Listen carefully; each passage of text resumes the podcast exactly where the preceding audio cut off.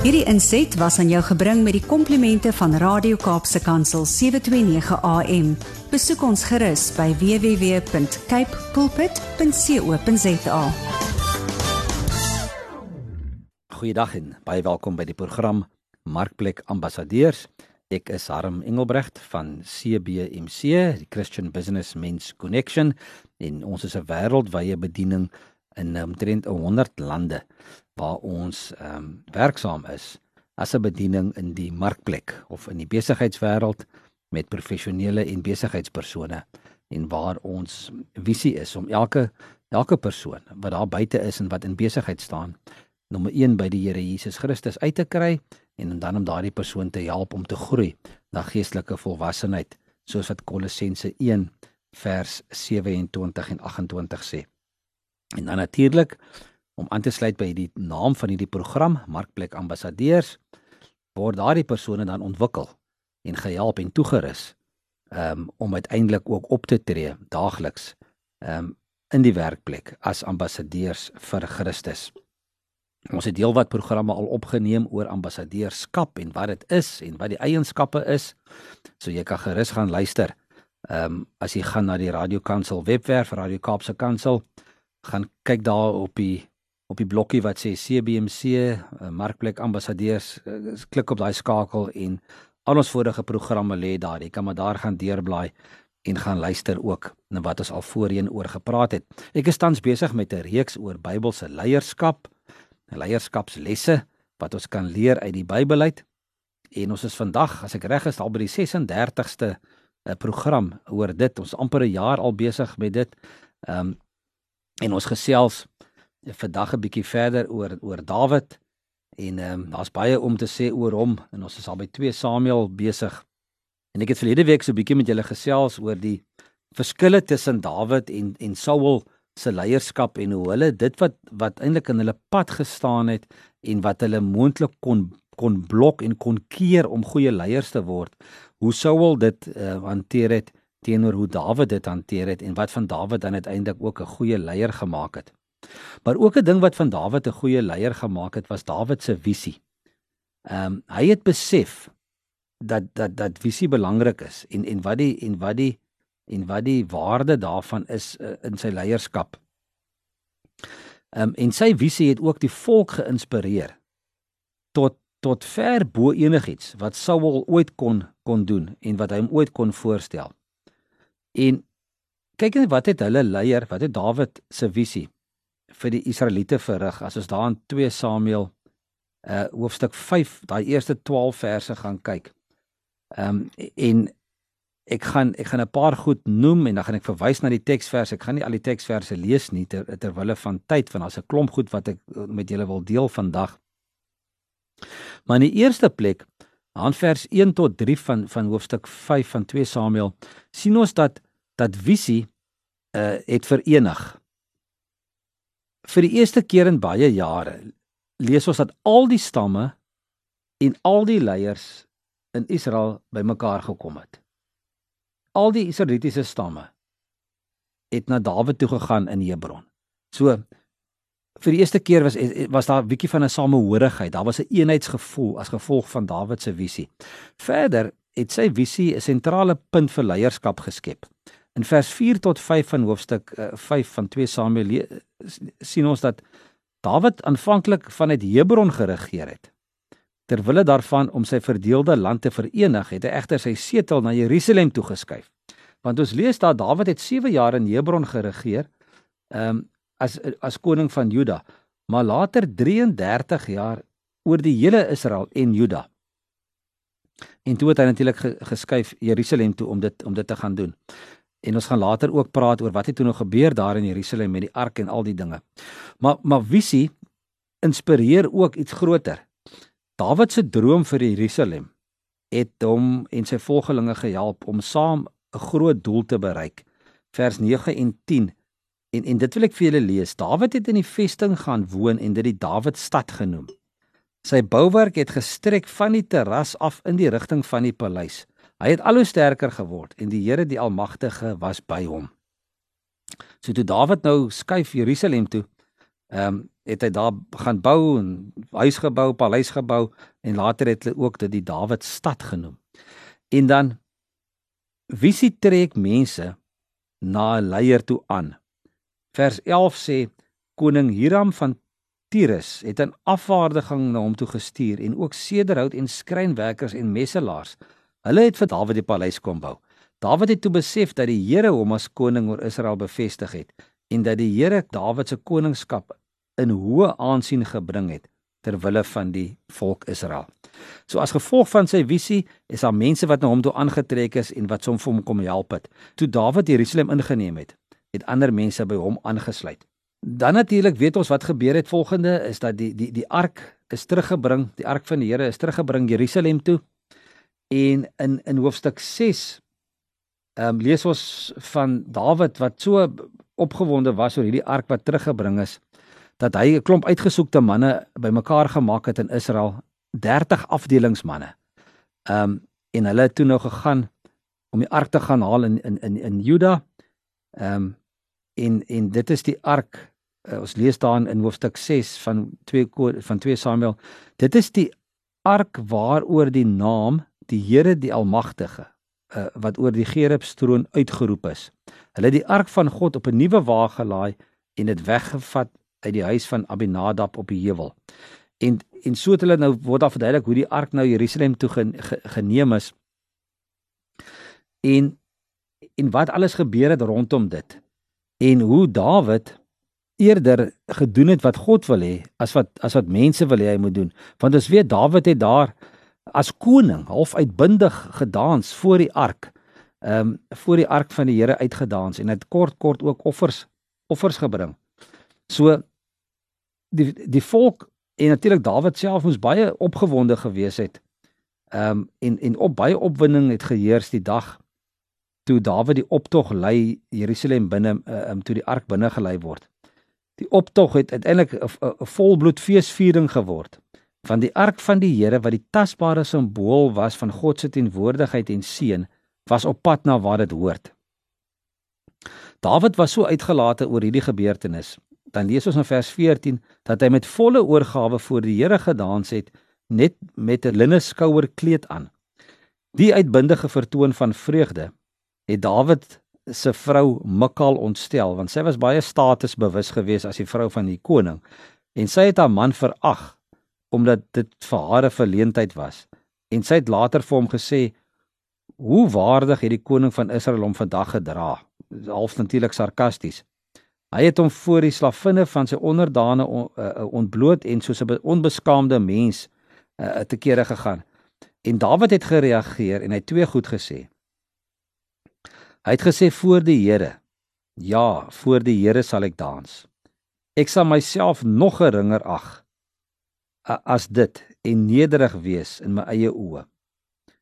So, leiers wat God wil behaag, kan drie dinge by Dawid leer. Nommer Jy moet opoffer. Dawid het die heel pad vir daai ark op pad was Jerusalem toe het Dawid offers gebring. Daar staan trouens in een van die verse, ek dink is elke 20 tree of iets het hulle gestop en Dawid het 'n het 'n offer gebring um aan die Here um kort kort. Um maaltydoffers en en en brandoffers. Daar staan hulle die ark van die Here ingebring en op 'n bestemde plek neergesit in die tent wat daarvoor opgeslaan het. Dawid het brandoffers en maaltydoffers vir die Here gebring. Toe hy klaar geoffer het, het hy vir die volk geseën in die naam van die Here die Almagtige. En toe die volgende wat hy gedoen het, hy het ehm um, vir elke persoon wat daar was, het hy kos uitgedeel. Daar staan hy hy het vir die hele volk, die ganse menigte van Israel, man en vrou, elkeen 'n ringbrood bietjie dadels en 'n handvol rosientjies uitgedeel.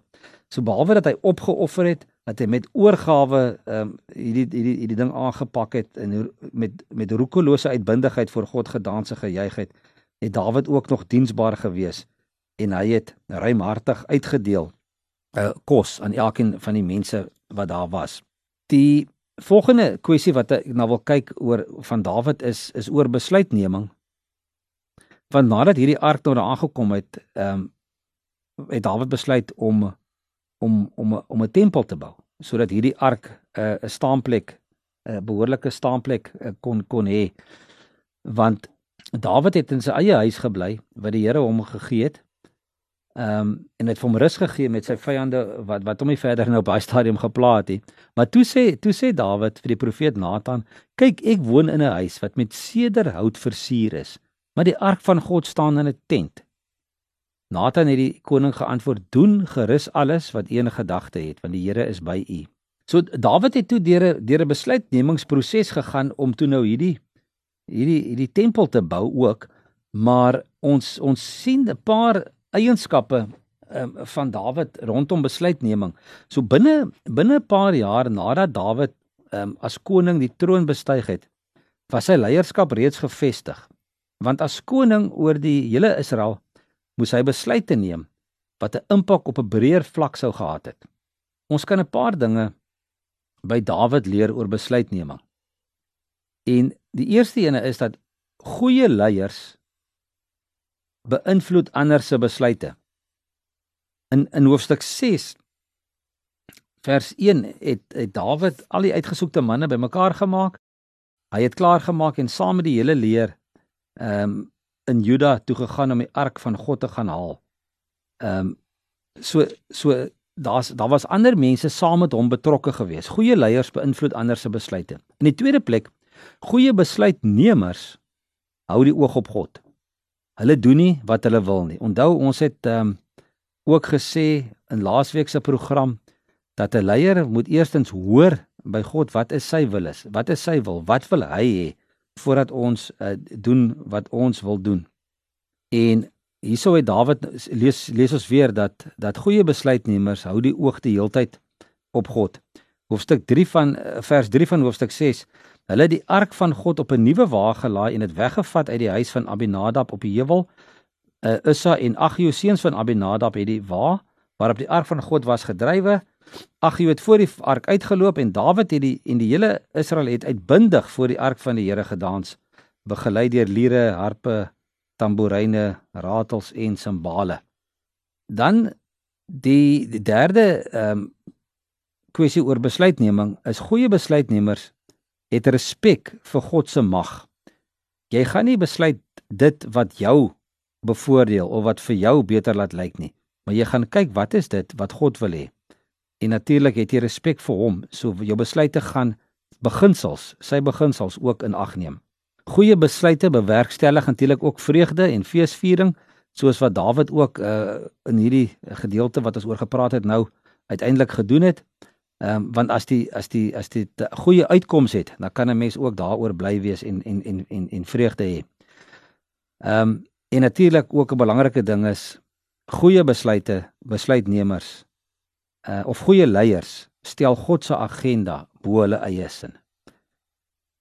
En soos ons gelees het in in in hoofstuk 7 waar koning Dawid in sy huis bly en en en die Here vir hom rus gegee het en hy het toe nou vir da, vir Nathan gesê het kyk ek woon in 'n huis maar wat van die ark van God?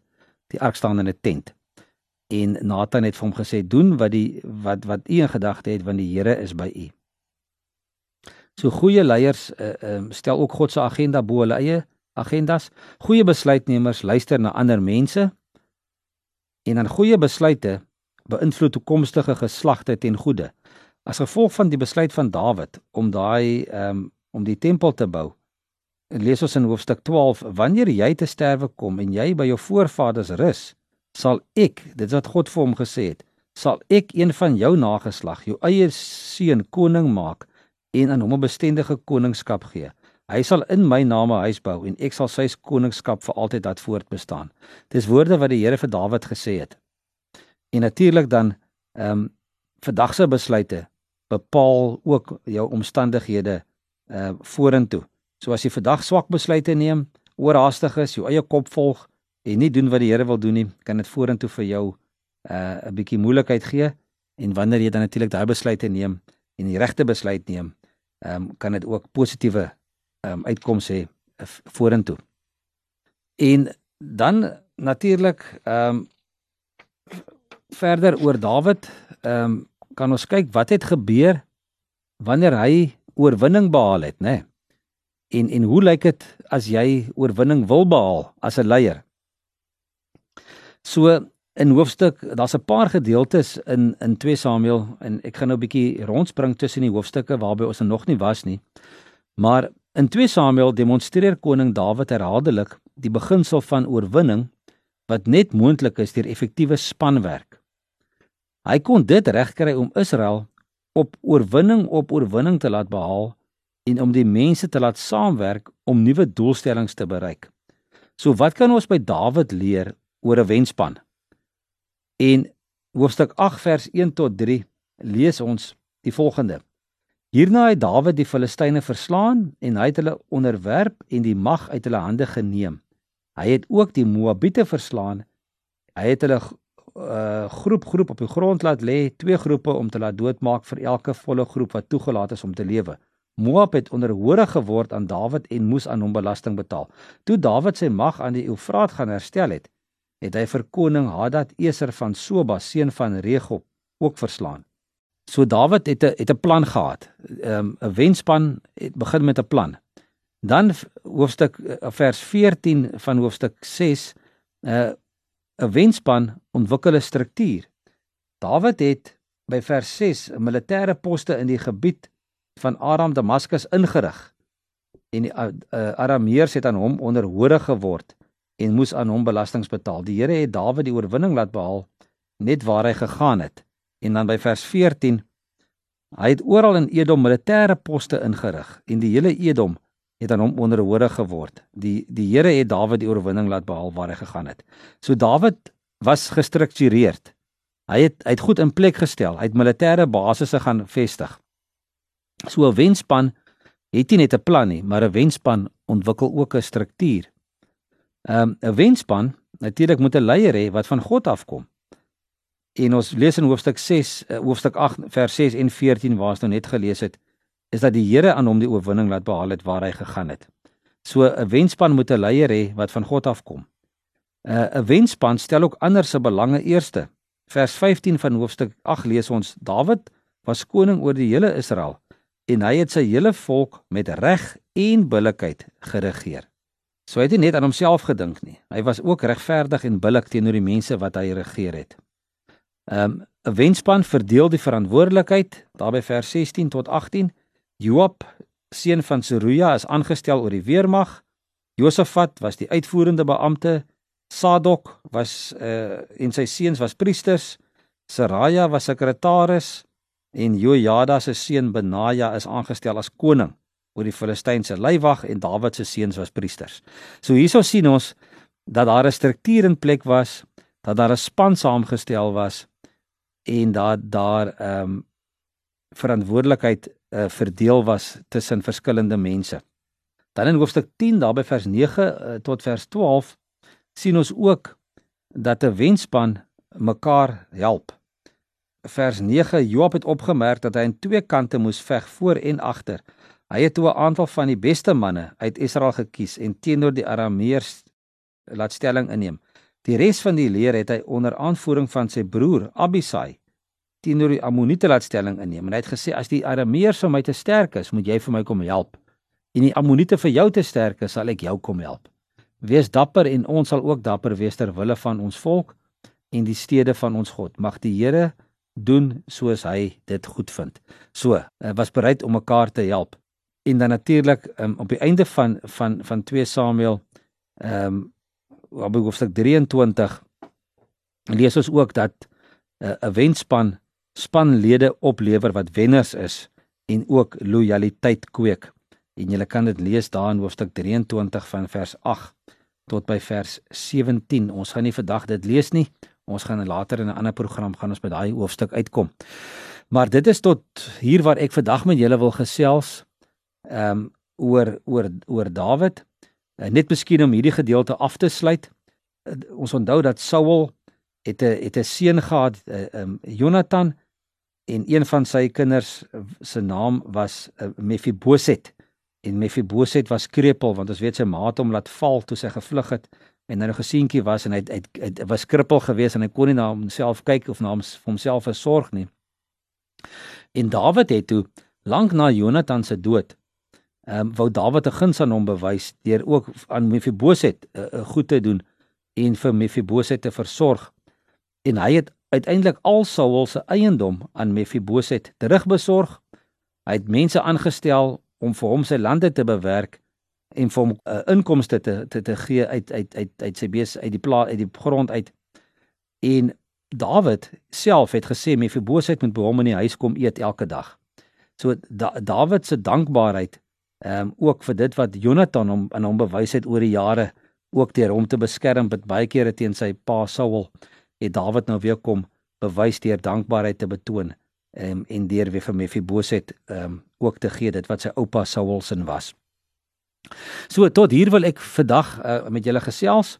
As julle wil kontak maak met my, uh, stuur gerus vir my e-pos na admin@cbmc.co.za of gaan besoek ons webwerf www.cbmc.co.za. Ek uh, groet julle tot hier en praat weer volgende week verder. Totsiens. Hierdie inset was aan jou gebring met die komplimente van Radio Kaapse Kansel 729 AM. Besoek ons gerus by www.cape pulpit.co.za.